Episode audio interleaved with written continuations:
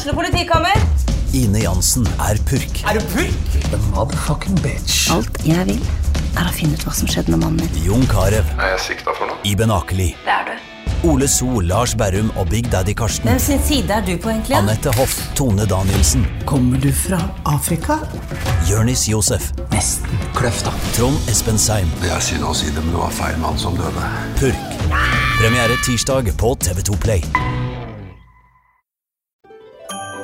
Dyrisk desember med podkasten Villmarksliv. Hvorfor sparker elg fotball? Og hvor ligger hoggormen om vinteren? Og hva er grunnen til at bjørnebinna har seg med alle hannbjørnene i området? Svarene på dette og mye mer får du i podkasten Villmarkslivs julekalender Dyrisk desember, der du hører på podkast. SA-podden blir gitt til deg i samarbeid med Fleksi. Regnskap med et smil.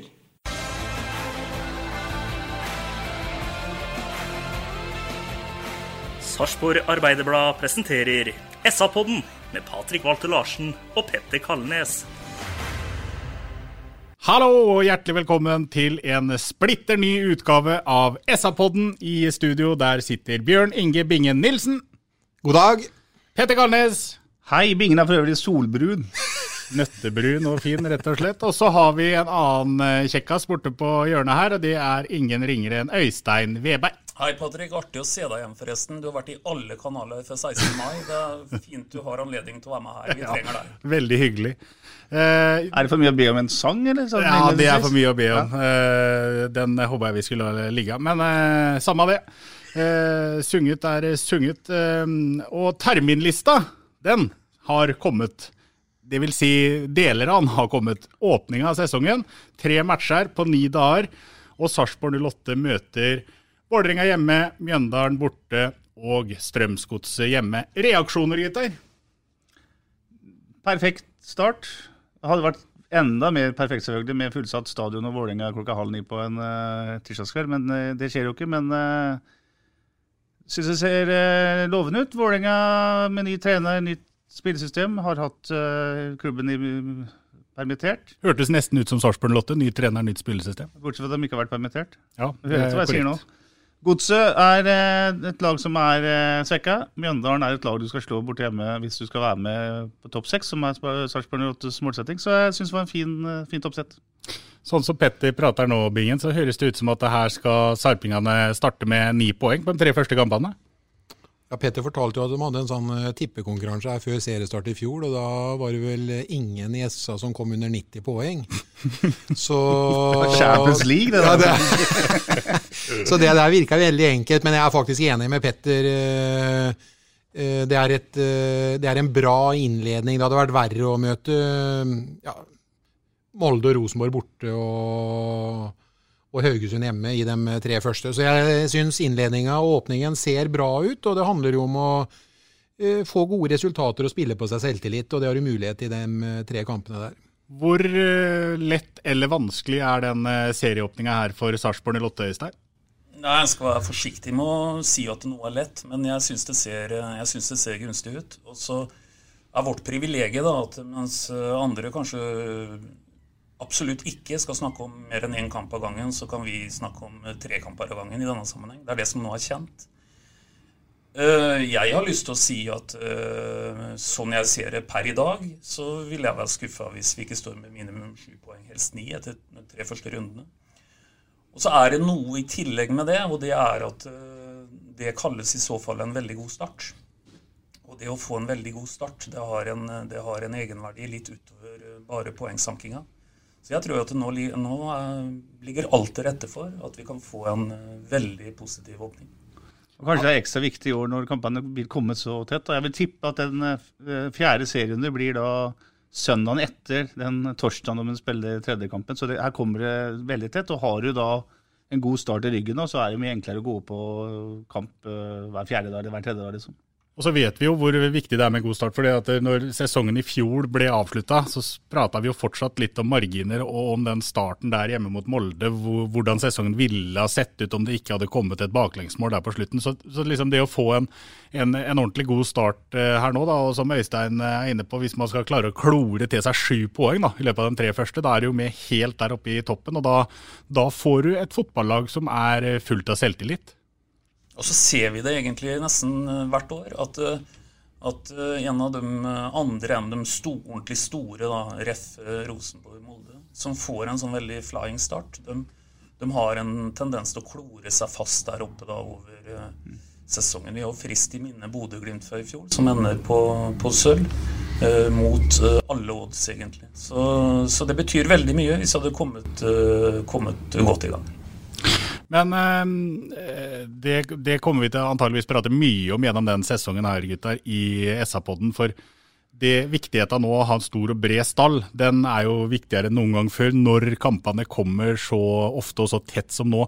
Har vi noe tru på at uh, det blir noe slags rullering allerede i løpet av de tre første kampene, fordi du vet at uh, det skal spilles tett gjennom hele sesongen? Eller kommer man her til å gå all in med det som da skal være førsteelveren, for, for, å skaffe seg best mulig utgangspunkt og flest mulig poeng i starten? For det første så håper jeg at uh, man tenker at man skal uh, sette en førsteelver, og at det skal være ryggraden gjennom de første kampene. Det kan jo fort bli det er grunn til å tro, som en jurist ville ha sagt, at det blir eh, spilt ti kamper før 20.07. Eh, og eh, det kommer til å bli et tett kampprogram. Jeg tror vi er bygd for å tåle det, og jeg tror at han kommer til å sette en elver og rullere minimalt.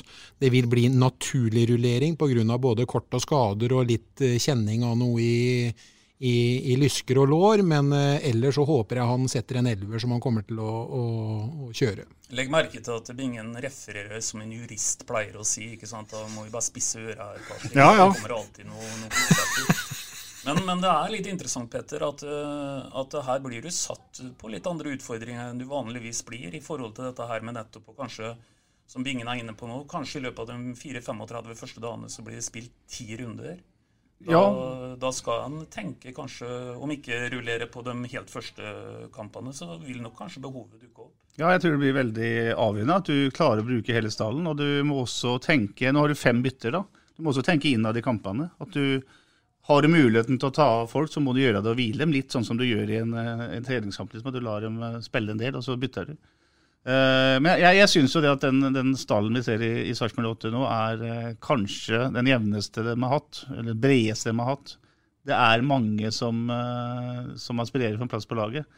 I tillegg så har man en X-faktor som vi jo etterlyste i fjor, i, i flere typer. En Saletros, en, en Ofkir, en Jacobsen f.eks., som er veldig, veldig spennende. Så ja, jeg, jeg vi snakka om sist vi var i en pod, Bingen, at vi var uh, forsiktige optimister. Men vi har sett mye treninger siste uka. Jeg i hvert fall, uh, må si jeg er blitt enda mer optimist. Altså, for det, er, det gnister der nede, og det er høy kvalitet.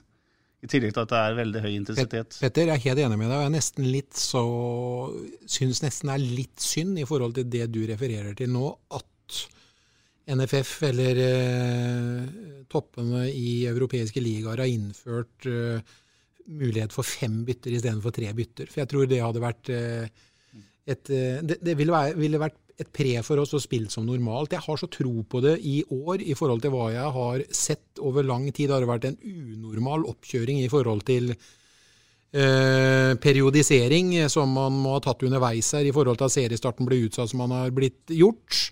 Men eh, jeg er helt enig med deg. Jeg er veldig positivt eh, overraska, og jeg gleder meg stort til å se hvis han poeng. Men Du spurte om rullering, eh, Patrick. og Jeg tror ikke det blir noe Jeg tror ikke norsk fotball eller Sarpsborg 8 er sånn at det blir rullering à la det Alex, Ferguson gjorde i United eller Wenger gjorde i Arsenal, der de bytter hele tida, har forskjellige lagoppstillinger fra kamp til kamp.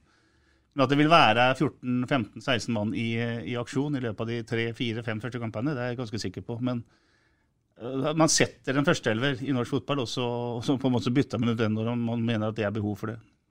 Han eh, godeste Joakim Jonsson var på besøk eh, på, i bykampen mellom Sarpsborg og Lotte FFK. Han snudde det litt på huet når det gjaldt dette her. og møte tre lag som har hatt eh, troppen og spillerne sine ute i permisjon. Han eh, mente på det at da ville Sarpsborg Lotte spille med et eh, voldsomt press på seg for å, for å dra til seg den poengene som er nødvendig der i starten.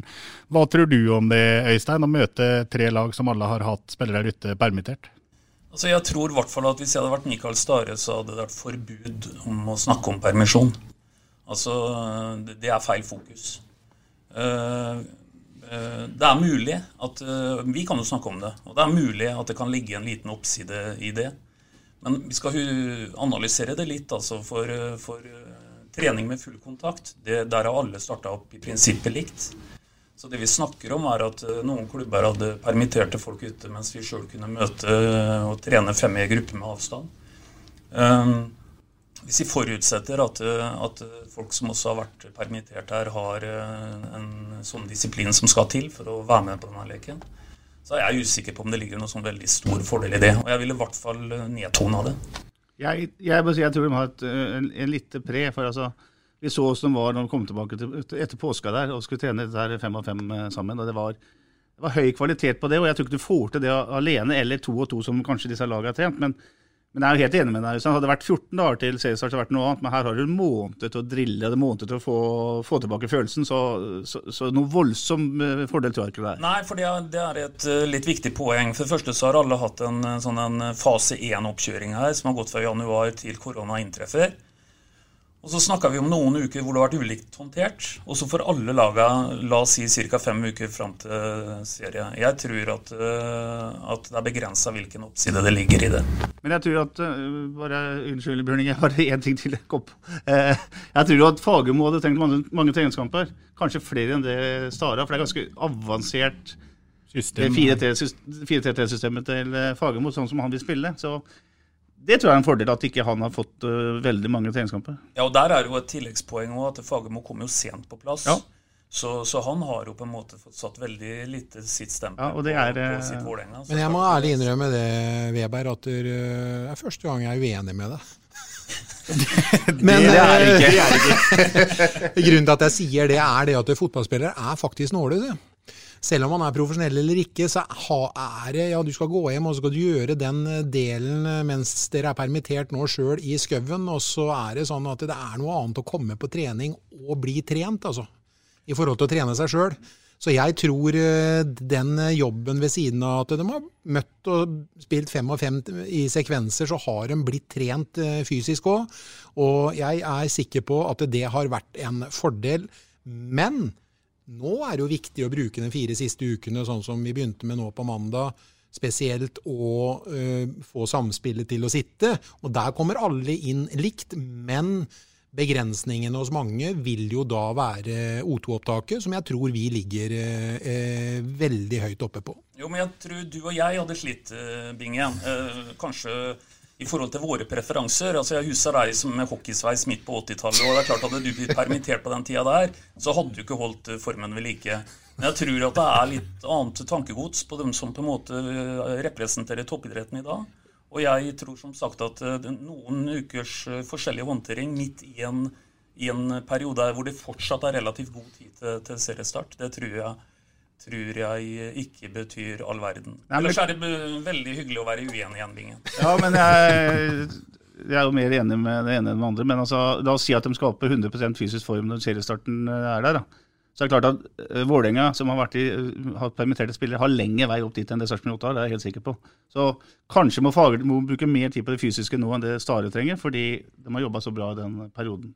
Så ja, og så tenker Jeg jo litt, eh, jeg litt, jeg henger meg litt på bingen, da, for det er toppidrettsutøvere det dreier seg om her. og på en måte det, De tre første kampene det er jo ikke, Jeg tipper jo ikke det er der lagene som har hatt permitterte spillere, på en måte kanskje kommer til å få smellen sin. Det, det kommer til å komme kanskje utover i sesongen når de har spilt 10-12-15 kamper. Men gutter, en annen ting som er litt interessant, som vi ikke vet veldig mye om, det er eh, treningskamper. For det er, ikke, det er ikke lov ennå å spille treningskamper. Og hva, hva skjer der?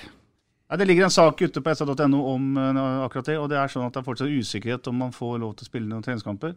Det var jo planlagt en skikkelig sånn internkamp på Sarpsborg stadion førstkommende lørdag. Med drakter, med dommer og det ene med det andre. Men uh, det har Fotballforbundet sagt nei til. Det blir en internkamp, eh, sannsynligvis uten dommer. Men eh, det blir 11 mot 11, og den sendes på SA TV klokka 11, så den er, blir severdig. Men eh, man har altså ikke engang fått lov til å spille en eh, internkamp, så såpass strengt er det. Det er veldig spesielt i og med at det her er gutter som trener sammen hver eneste dag. Ja, Eneste forskjellen er altså at de har på seg en drakt istedenfor en gul vest, og at det er en dommer istedenfor Erik Holtan som leder, eller som dømmer. Så, Ja, Da høres det mer ut som det går noe prestisje i dette kontra det rene smittevernfaglige. Ja, vi håper at det blir endra så det blir ordentlig kamp, men det blir iallfall en sending som blir eh, morsom å se på. tror jeg. Den kan jeg godt ønske at Nakstad hadde tatt en, eh, en utredning på i, i Kveldsnytt. Ja, Eller om vi kunne fått Nakstad hit og kanskje vært dommer i den kampen. Ja. Ja, hvis ikke vi skulle ringt eh, Sverige og fått den kameraten der borte til Totte, da. Ja, statsepidemiologen. Kameraten til Bingen. Anders Tegnell. Kanskje han kunne kommet til. Anders Tegnell. Ja. Nei, jeg syns Nakstad er bra. Ja. jeg, syns det. Ja. Nakstad, Nakstad er fin. Har du slått opp med han Tegnell nå? Nei da. Det, det virker som at jeg skal prøve å dra det her litt videre nå. Ja. Enig? Ja, hva? Nei, eh, jeg vil snakke litt om eh, ting som skjer utafor banen nå, fordi at eh, det jobbes jo knallhardt. Det er forlenga kontrakter med flere viktige spillere her i klubben. Både to lokale rutinerte herremenn i Halvorsen og, og Thomassen. Det er skrevet kontrakt med framtidige salgsobjekter. Eh, Jørgen Strand Larsen og Gaute Wetti har forlenga. I tillegg til det så har Jonathan Linseth forlenga kontrakta. Så på den måten så må vi jo kunne si at eh, Sarpsborg 08 har, eh, har brukt den eh, litt ufrivillige pausa her godt, da. Thomas Berntsen framstår vel akkurat nå som Norges beste sportssjef igjen, spør du meg. Ja. Vanskelig å være uenig i det, egentlig. Ja, det er i hvert fall viktige signeringer her. Og, og det virker som det er en eh, god plan med det som, som skjer. Og uh, det ligger vel til og med kanskje et par signeringer til ganske tett på. Så, så dette ser eh, bra ut. Og viktigheten av dette her med å få forlenga kontraktene, spesielt med disse ungguttene, som det går an å, går an å få litt uh, penger for, antageligvis en eller annen gang i framtida. Eh, den er jo stor, spesielt i en tid sånn som nå, hvor eh, på en måte økonomi er en eh, stor del av vanskelighetene man er, eh, er oppi.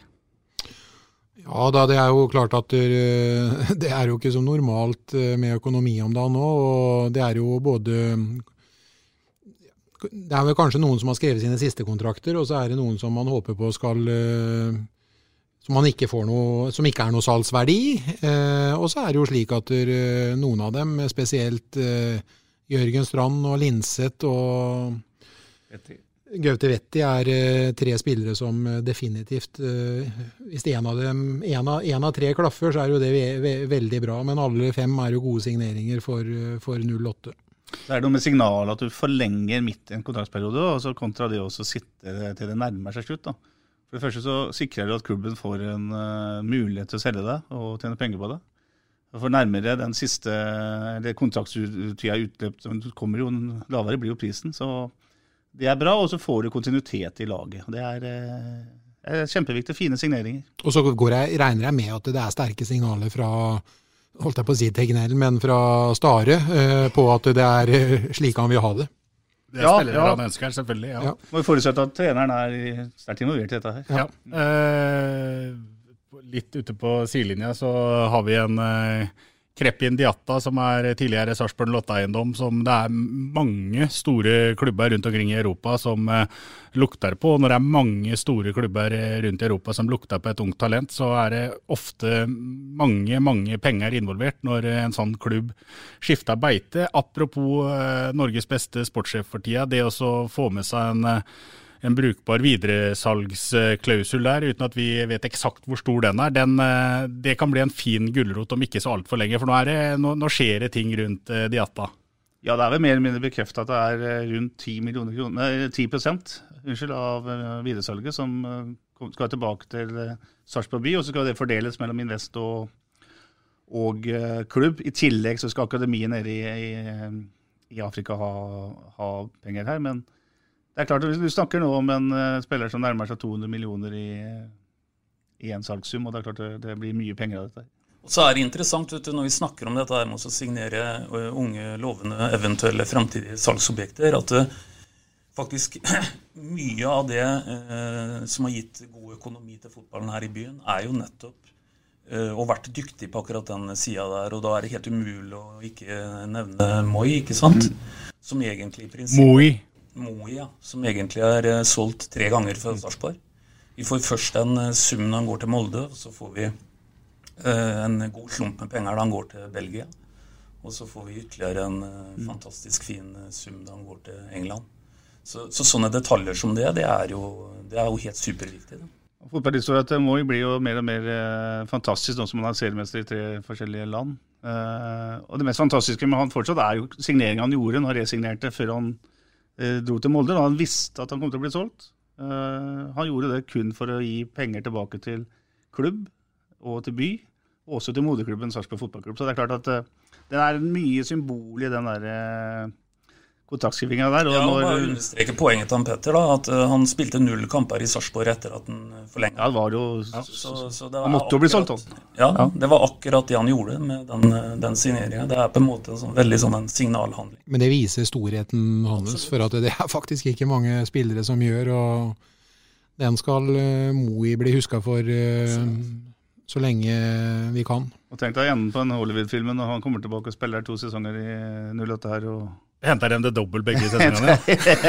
ja, det blir stort. Han, jo, han ønska jo også å være med å trene sammen med Sarpsborg Lotte nå, men uh, fikk ikke noe go eh, til det fra dem som faktisk eier den, som jo er Southampton. Og er det ikke godt å vite hva som skjer videre med Moey, han eh, skal jo i utgangspunktet tilbake til Southampton og spille Premier League-fotball, men det er vel Patrick, for å bare avbryte deg litt. Nå, nå sier Petter og Bingen det er jo, De følger jo veldig mye, mye treningene tett der. Og her snakker vi jo fagekspertise på ypperste, ypperste nivå. Absolutt. Ja. Uh, at en Saletros uh, gnistrer om dagen. Ja.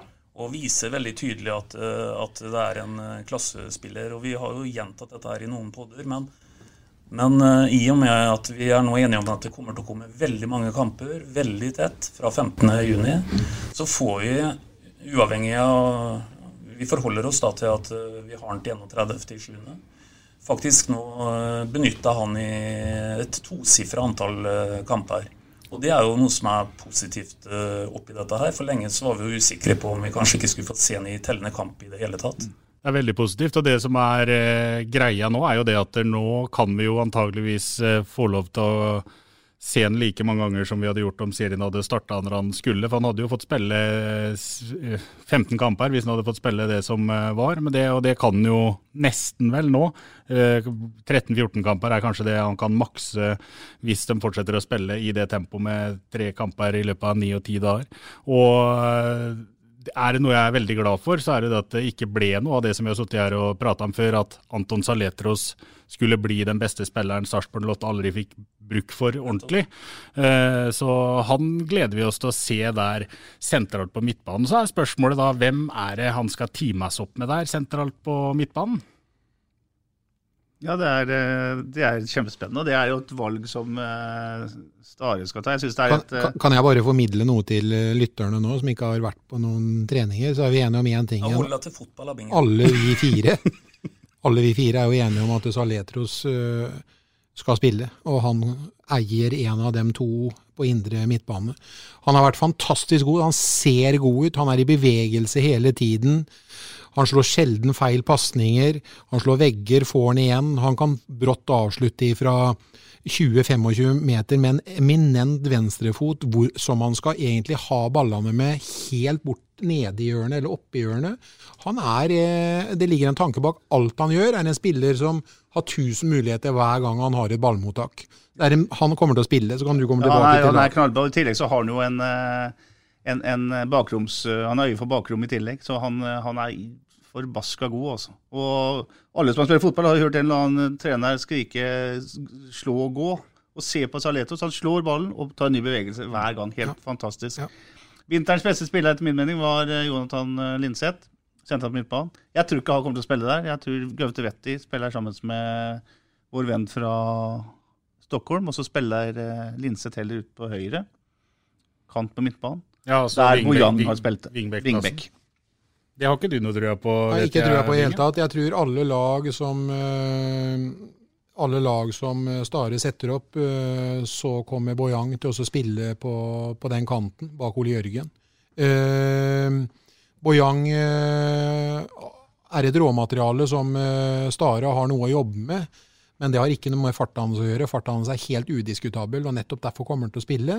Men selvfølgelig må han være mer besluttsom når han kommer til linja, og få fart på innleggsfoten sin. Derfor tror jeg Boyang kommer til å spille på den plassen som han nå nominerer Linseth på. Jeg har overhodet ikke noe mot uh, Boyang, men jeg tror han uh, vil ha med sine beste spillere. og Derfor vil han ha med både Vetti og uh, Linseth. Og så tror jeg Boyang er helt fantastisk å bruke på bortebane, på Lerkendal, på Aker stadion eller osv., der han skal der det blir mer defensiv innretning. Og så kommer Bojang til å spille masse i Eliteserien.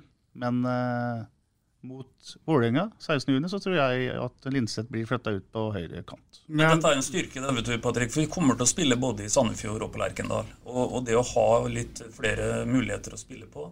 Og så var vi jo inne om det i stad. Dette blir en helt spesiell sesong i forhold til å kalle det litt uvanlig mye slitasje, kampslitasje.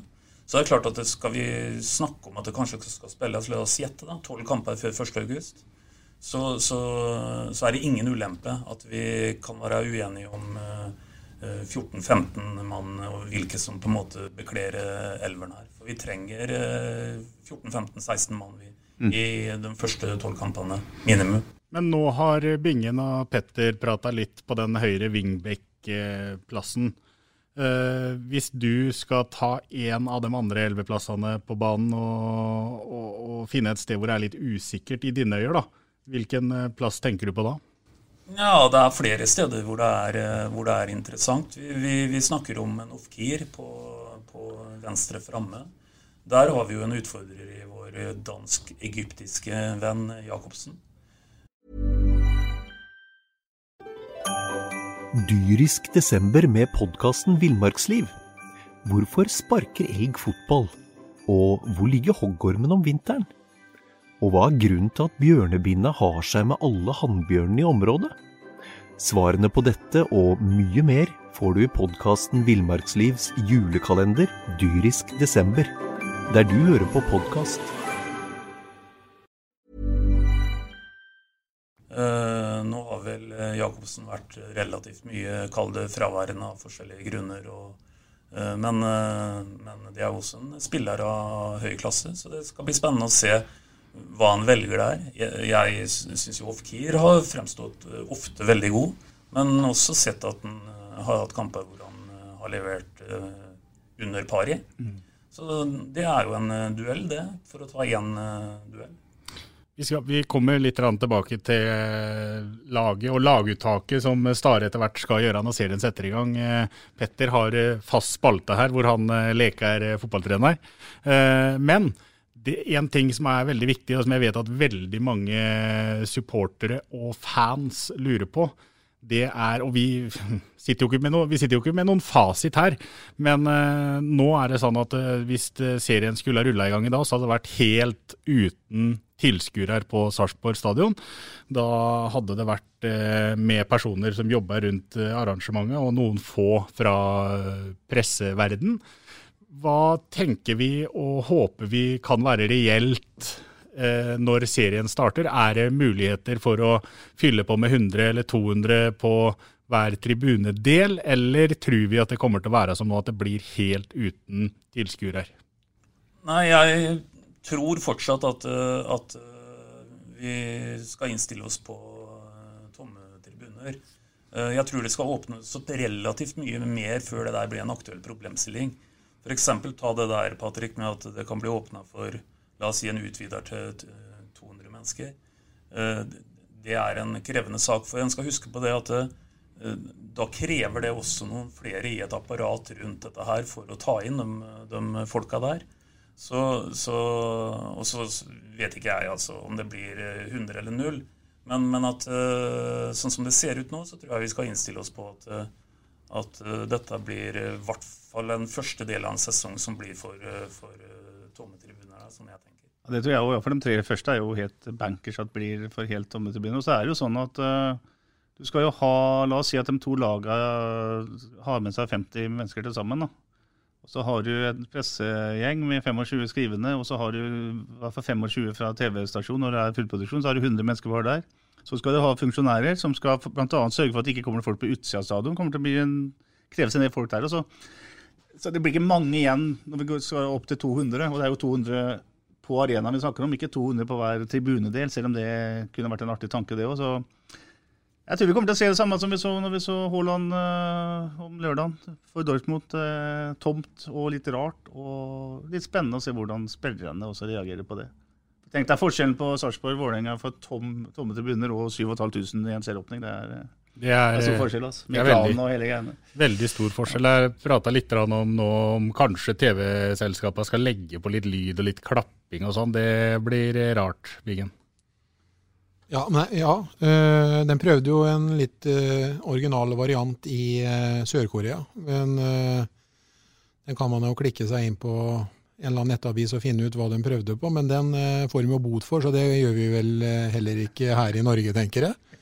Så da blir det vel at det eh, eventuelt i ytterste tilfelle at man hører litt klapping kunstig, da. Det har, vi jo snakka om. Ellers så var det jo veldig mye ekko. Jeg så tysk fotball og har gått gjennom alle rundene i i Tyskland eh, og sett opptakene, og det er jo voldsomt eh, ekko på, på banene. Det er, du hører alt hva trenere og spillere sier hele tiden, så du føler at du er på banen nesten. Hvis du skrur opp lyden, så er du på banen og, og er med en av to elvere når eh, kampen, kampen blåses i gang. Det var en tysk trener som hadde innført noe sånn tegnspråk her, for ikke han skulle avsløre alt han ropte ut til spillerne sine. Ja. Det. Det er variant. Eh, ja. ja også, men jeg tror det er viktig å ikke på en måte lage noe til noen ulempe. Da. Jeg tenker at de ikke tenker sånn heller. Men, for dette her er jo likt for alle. Og det er klart at det hadde vært gunstig å ha 7000 mennesker i ryggen når vi møter, møter Vålerenga. Så kan en jo komme med et billig poeng at hadde vi spiller bort mot Vålerenga, så hadde det vel uansett ikke vært mer enn 3000 der inne. Men uansett så hadde vi i hvert fall møtt uh, bortelag som også hadde hatt tilsvarende, eller i hvert fall hatt hjemmetrykket. Så dette her blir jo, her blir jo uh, likt for alle. Og jeg tror det er litt sånn en må på en måte fokusere. At uh, dette er omstendighetene. Sånn er det nå. Vi gjør det beste ut av det. og dette tror jeg 08 kommer til å Med andre ord så bør ikke hjemmebanefordelen bli så stor. Nei, det, for det syns jeg er veldig interessant. da. I utgangspunktet så er det en stor fordel å spille på hjemmebane under, i trygge rammer. Ja. Og det å ha publikum i ryggen og ting er kjent og sånn. Nå er det jo faktisk mulig at det, det, det, spiller ikke så stor rolle om du løper ut på Skagerrak Arena eller på Sarpsborg stadion når det ikke er noen som sitter der og verken uh, jubler for deg eller buer på deg? Nei, normalt må det jo være sånn. Altså, hvis en mener at publikum, et, et iherdig, entusiastisk publikum, er tolvtemann, så har jo ikke laga med seg sin tolvtemann i år, da. Og det er klart at det vil, vil javne det ut, på godt og vondt. Ja. Og likt for alle. Men Samtidig så har vi opplevd at et uh, Sarpsborg 8 har blitt sunget ut av For noen år siden så var jo klanen best på Sarpsborg stadion. Men Sarpsborg vant kampen allikevel. Så det, det, er noe med at er, det er trygge omgivelser. Det er, det er din hjemmebane det er din garderobe og alt det greiene der, så noen fordeler er å spille der selv om du ikke har publikum i ryggen, tror jeg. da. Ja, det skal bli spennende å se. Ja. For her som på alle andre felt, så har vi ikke prøvd det før. Nei, nei. Så det skal bli interessant å se om det blir en jevnere hjemme-borte-statistikk i år enn det ellers eh, har blitt. Mm.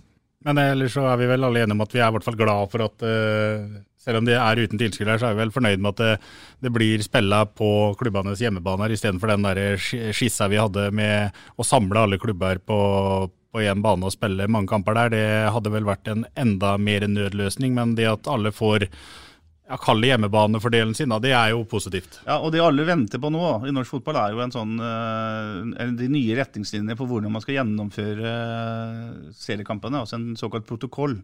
Uh, der skal det jo stå alt om hvordan man skal forflytte seg til bortekampen, hvordan man skal skifte, dusjing, alt det greiene der. hvor mange andre mennesker, mediefolk som skal være til stede, osv. Så, videre, og så, så det går de ut og venter på på Sarpsborg stadion. For det er nemlig sånn at uh, sannsynligvis så blir det, det å reise på en bortekamp nå blir dyrere enn det å reise på en bortekamp i normale til, uh, omstendigheter. Så det er, det, det er, mye usikkerhet fortsatt rundt hvordan man skal gjennomføre matchene. Men uh, apropos protokoll, Petter, som jeg sikkert ville skrevet da, hvis jeg hadde skrevet apropos helg. noe som kanskje er litt underkommunisert det er vel det faktum at uh, vi har vært litt innom det før. Det her med karanteneregimet rundt, rundt spillerne. For det er relativt uh, tøffe tak den, den protokollen der. Én ting er hvis han blir relativt kortvarig, men hvis dette her strekker ut veldig i tid, så, så, så vil det være et slitasjepunkt. Ja, jeg kan ikke skjønne noe annet. Altså, du, du, du går fra trening og skal i prinsippet hjem og sitte i din egen leilighet til du skal på trening igjen dagen etterpå.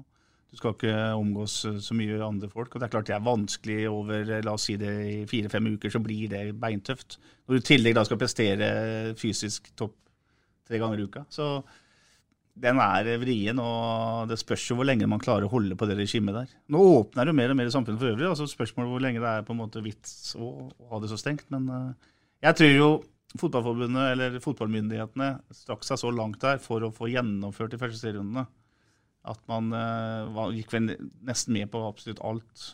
Og satte også da spillerne i den situasjonen de har gjort. Det hadde ikke vi hatt noe problem med, Biggen. Dratt på trening hjem igjen og så spille fotball, og det var det? Nei, men det virker jo ikke som guttene heller har det. Og de eh, innordner seg jo vanvittig for å få fotballen til å rulle. Så det kreves eh, enormt, spesielt av dem som da har som er barne, barnefedre. Barnefamilier sliter jo med det her mer enn en, en vanlig holdt på å si, en vanlig unggutt som skal hjem på, på hybelen sin. Så det er litt flere hensyn å ta hjemme hos familien Thomassen og Halvorsen enn det er hos f.eks en Anwar Elionossi. Ja, eller så er det jo, hvis du vender helt på det og tenker på disse guttene som har kommet eh, langveisfra helt ifra Afrika, som kanskje ikke har eh, har jo kanskje ikke noe kjempestore nettverk fra før, så sånn sett så går hun kanskje ikke glipp av så mye. Men det er klart, eh, det, det, da blir du veldig isolert da, når du er veldig langt ifra familie og venner ellers. Så det, jeg er helt enig med begge dere to, Øystein og Petter, at det er, det er håla bud. Men i en Maja unntakstilstand som nå. Så ja, jeg er enig med deg, Bingen, men uh, du sier det på en uh, litt annen måte, sier jeg Det gjør det. Ja.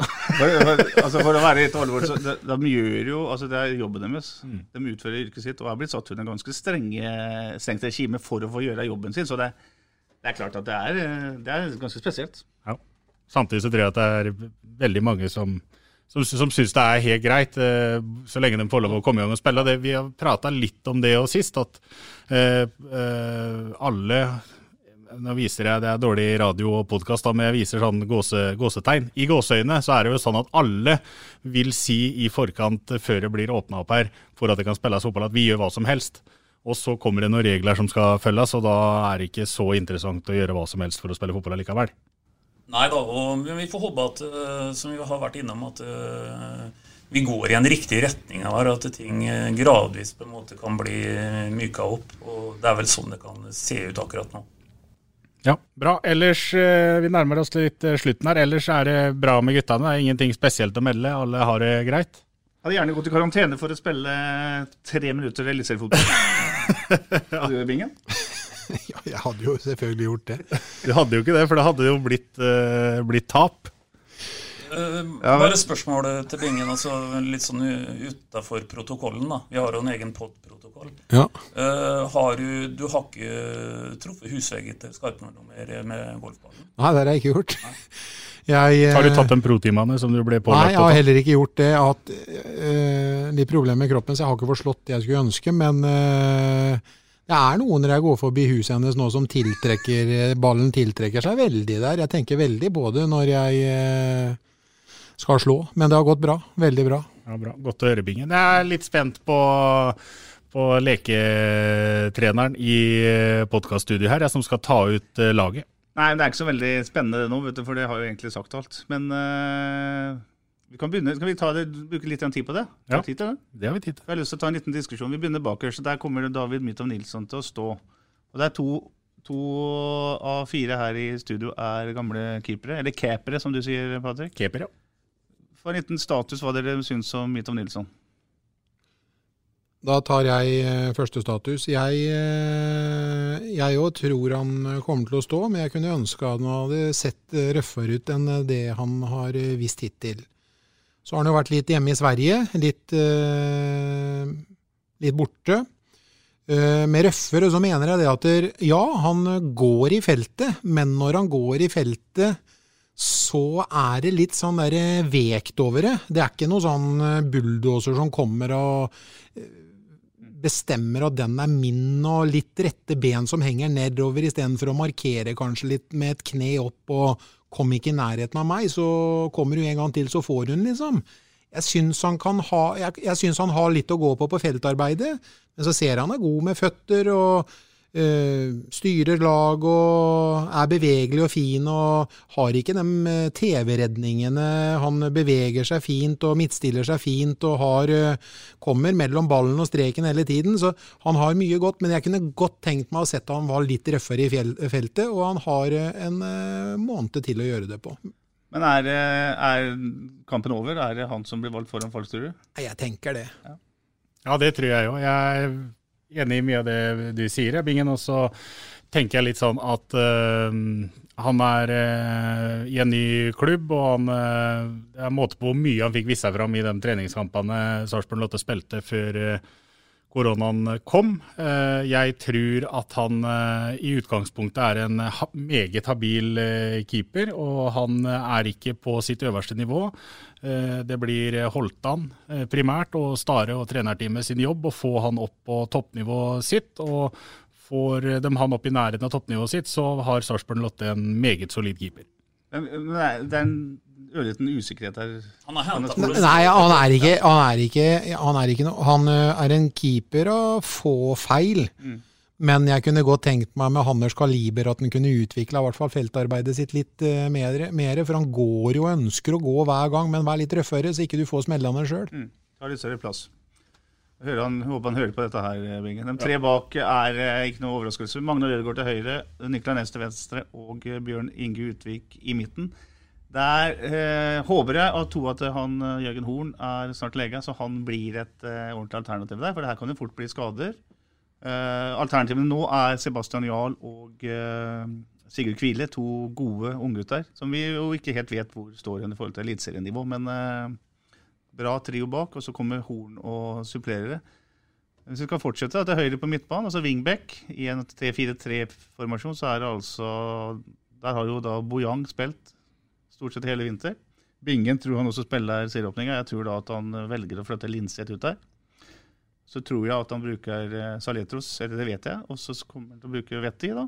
Der vil da Bingen ha uh, Linseth. Til venstre så er Joakim Thomassen valget. Alternativene der Selv om Soltvedt har sett bra ut på trening nå i det siste? Joakim Soltvedt fra, fra Sogndal har sett bra ut. Eh, Anwar Elonossi har også sett bra ut på trening. og Anwar kan spille både høyre og venstre. Men eh, utgangspunktet er det da oppe i hodet mitt Linseth, Thomassen hver til side, Saletros og Betty sentralt. Til høyre framme så spiller Ole Jørgen Halvorsen uh, syv av syv dager i uka, tror jeg. Til, og til venstre er det interessant, for der har du da du har Mohammed Ofkir, som har spilt der i hele vinter, og som har vært eh, meget bra i perioder. Utfordrer høyre mot venstre, alltid på sprang, er en spennende spiller. Der er Alexander Jacobsen et utrolig interessant eh, alternativ. Han kan også spille til høyre, selvfølgelig. Dansken med egyptisk pass. Eh, spennende. Og så er det spissplassen, da. Eh, vi har alltid snakka om Jørgen Sand Larsen og vi har snakka om Mustafa Abdelhavi. De to er nærmest. Så er det Skålevik. Og så har en Alexander Ruud Tveter også meldt seg på som, som fjerde alternativ. En Alexander Ruud Tveter som også har blitt brukt litt på høyre vinga, der da Halvorsen har spilt. Du, så, du har sett Alexander eh, Bingen. Eh, du syns han ser spennende ut? Ja, For det første så øh, syns jeg han har øh, gjort jobben sin knallbra i øh, i det skadeoppholdet sitt, som har vært lenge. Det var en stygg skade. og Han er nok mest sannsynligvis i sin beste fysiske form ever. Han ser ut egentlig helt rå ut i kroppen.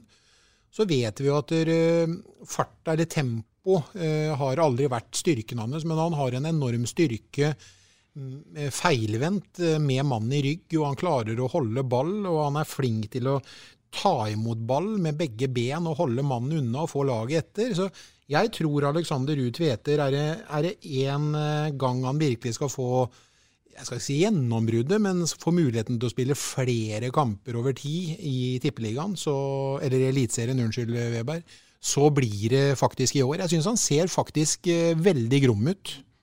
Spennende.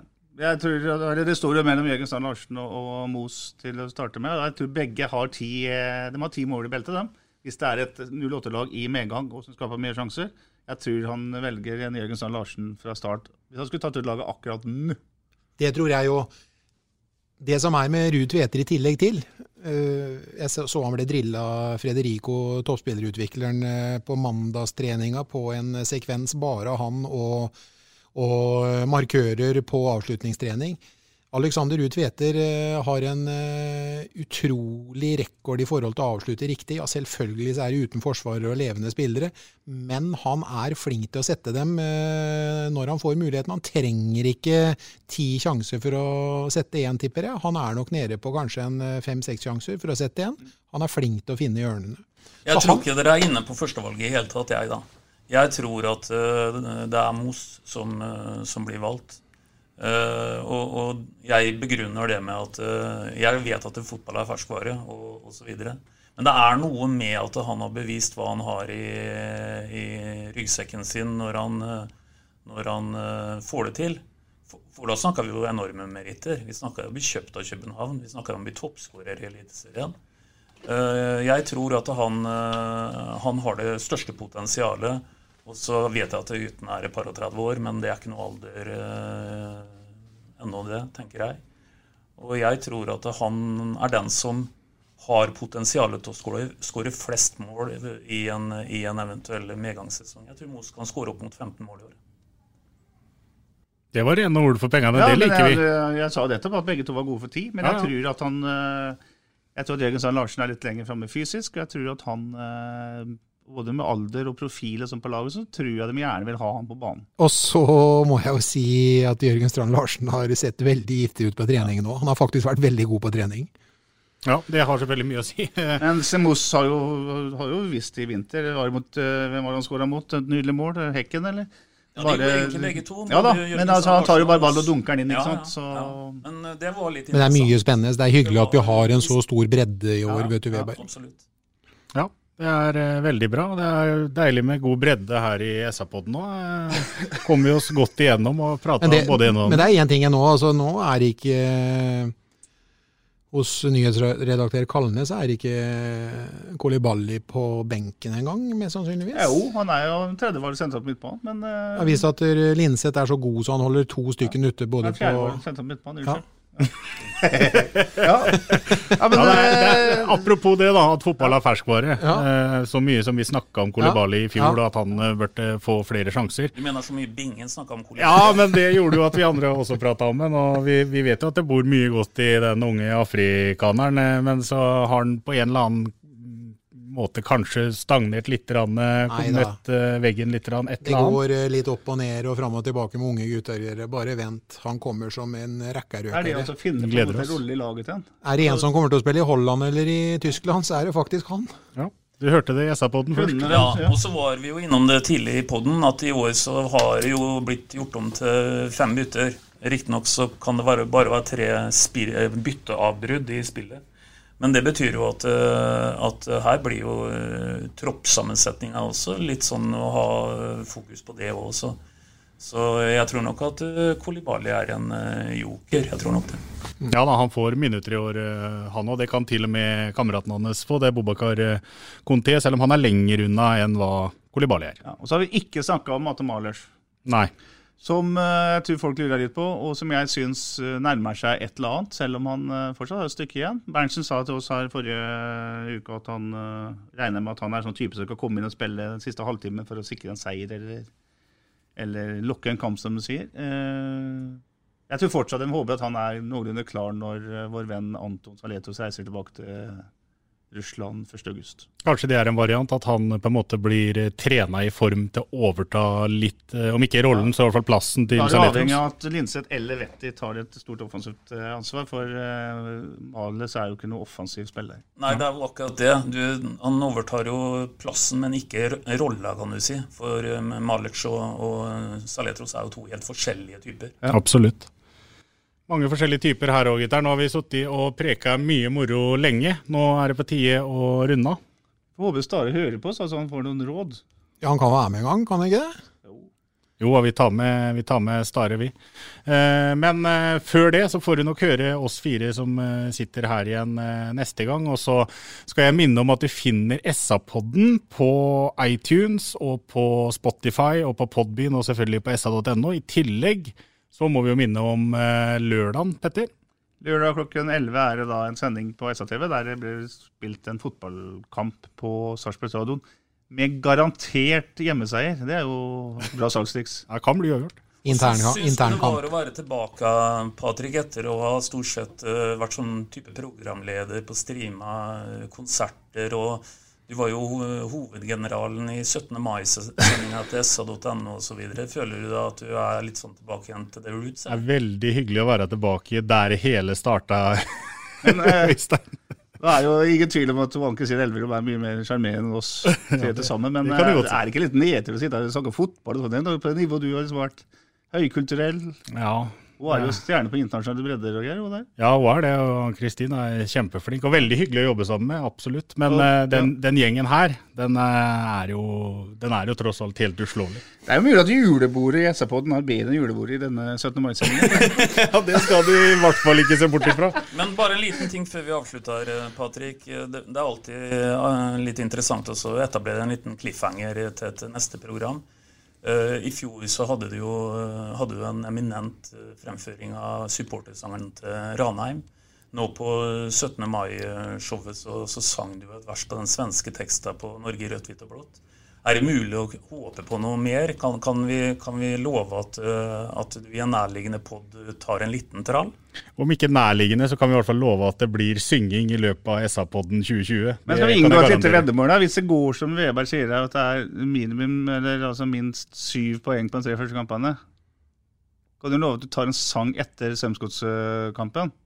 Ja, hvis de altså Hvis det er er, da altså er sju- ubeseiret, ja, to Sju eller ni poeng, da. Det er det som er, ligger i potten. Ja, syv poeng på de tre første. Da kommer en trall fra Walter Larsen. Og selvsagt ni av ni også. Da kommer det to vers. Da kommer det to vers. Og der mista vi 100-200-300 lyttere på neste Og hvis vi, hvis vi fortsetter her og sier at det er 18 poeng etter seks serierunder, Ja. da skal Veberg ha med seg tekstspillet. ja, da blir det fest i SA-boden. Er vi enige om det, Svein? Ja, jeg stiller opp på det. Helt nydelig, gutter. Veldig bra. Vi, Bingen, sitter og bare himla med øya borte på hjørnet, vil ikke være med. Selv om han var den som sang høyest inne på Åråsen da det var direktepodkast direkte podkast derfra. Og hvis det er 27 poeng etter ni serierunder, så skal Bingen være i bar overkropp og bilde på den. Alle hjerter gleder seg. Eh, Etter ni kamper, hvor langt framme er vi da? Hvor langt er vi i midten av juli? Da er du Ja, men da form- takker jeg ja til det. Ja, veldig bra, gutter. Da prøver jeg for ellevte gang å runde av denne podkasten, og det gjør jeg på samme måten som vi pleier å gjøre det. Vi prekas! Hei hå. SA-podden blir gitt til deg i samarbeid med Fleksi. Regnskap med et smil. Du har hørt SA-podden med Patrik Walter Larsen og Petter Kalnes.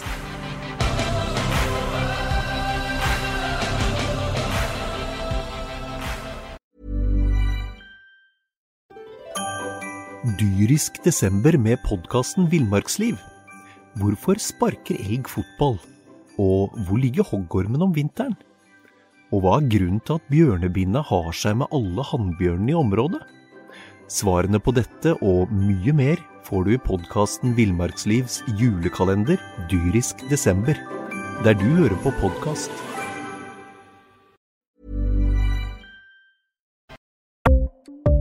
Ukens annonsør er HelloFresh. HelloFresh er verdens ledende matkasseleverandør og kan være redningen i en travel hverdag. Mange av oss har nok vandret i butikken både sultne og uten en plan for middagen, som ender med at vi går for de samme kjedelige rettene gang på gang. Middag burde være dagens høydepunkt. Som HelloFresh kan du nå velge mellom 25 ulike retter hver eneste uke, eller få HelloFresh til å sette sammen menyen for deg. Dette gir deg muligheten til å prøve nye og spennende retter alene eller sammen med familien. Du velger antall porsjoner og får alt levert på døren på et tidspunkt som passer for deg. Oppskriftene er enkle, og maten er lett å lage både for store og for små. Ved å få alt levert hjem får du også mer tid til å dele matgleden med familie og venner. Kanskje det frister med asiatiske tacos eller greskinspirert kylling? Da kan jeg anbefale deg om å gå inn på hellofresh.no. Her kan du bruke koden FOTBALL og få opptil 1779 kroner i rabatt på de første fem matkastene hvis du ikke har prøvd HelloFresh tidligere. Du kan også bruke rabatten hvis du har vært kunde og stoppet abonnementet ditt for tolv måneder siden eller lengre. Gå inn på hellofresh.no og bruk koden FOTBALL. Har du et enkeltpersonforetak eller en liten bedrift? Da er du sikkert lei av å høre meg snakke om hvor enkelt det er med kvitteringer og bilag i fiken, så vi eh, gir oss her, vi. Fordi vi liker enkelt. Fiken superenkelt regnskap.